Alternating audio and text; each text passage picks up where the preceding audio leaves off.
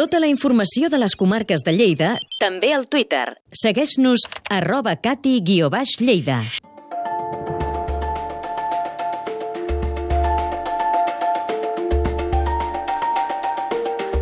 A Esterri d'Àneu, al Pallars Sobirà, ha començat un curs per aprendre a tocar el bot del Pallars. Es tracta d'un antic instrument del Pirineu que va desaparèixer a finals del segle XIX i que ara s'ha recuperat gràcies a l'Ecomuseu de les Valls d'Àneu i a un investigador musical francès. Ens ho explica des d'Esterri l'Eloi Barrera amb el muntatge musical d'Àlex Rosselló.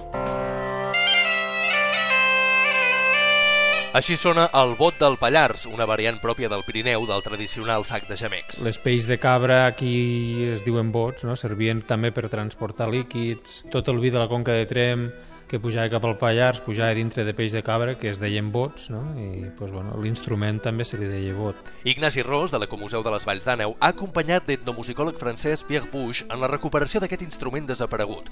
Només a Barcelona se'n conserven unes restes descobertes als anys 40 a Sarroca de Ballera. Va ser un tresor per aquest luthier dedicat a recuperar música i instruments oblidats del Pirineu. En discutant avec Arthur Blasco, per exemple, qui ha fet... Discutint amb Arthur Blasco, que ha fet molta recerca i recolecció, li vaig demanar què hi havia abans de l'acordió i ell em va parlar del bot. Vaig saber que n'hi havia un al Museu Etnològic de Barcelona i vaig voler fer-ne una reconstitució. I ara els infants es podran formar, aprendre i rellençar la tradició.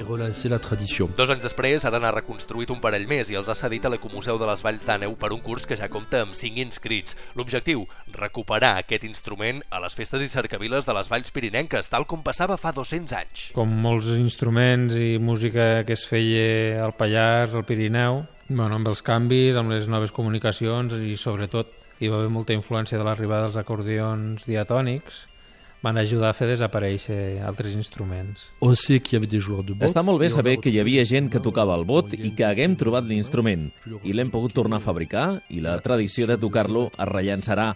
A més, són joves, són nens i fa goig de veure els nens que tenen ganes d'aprendre.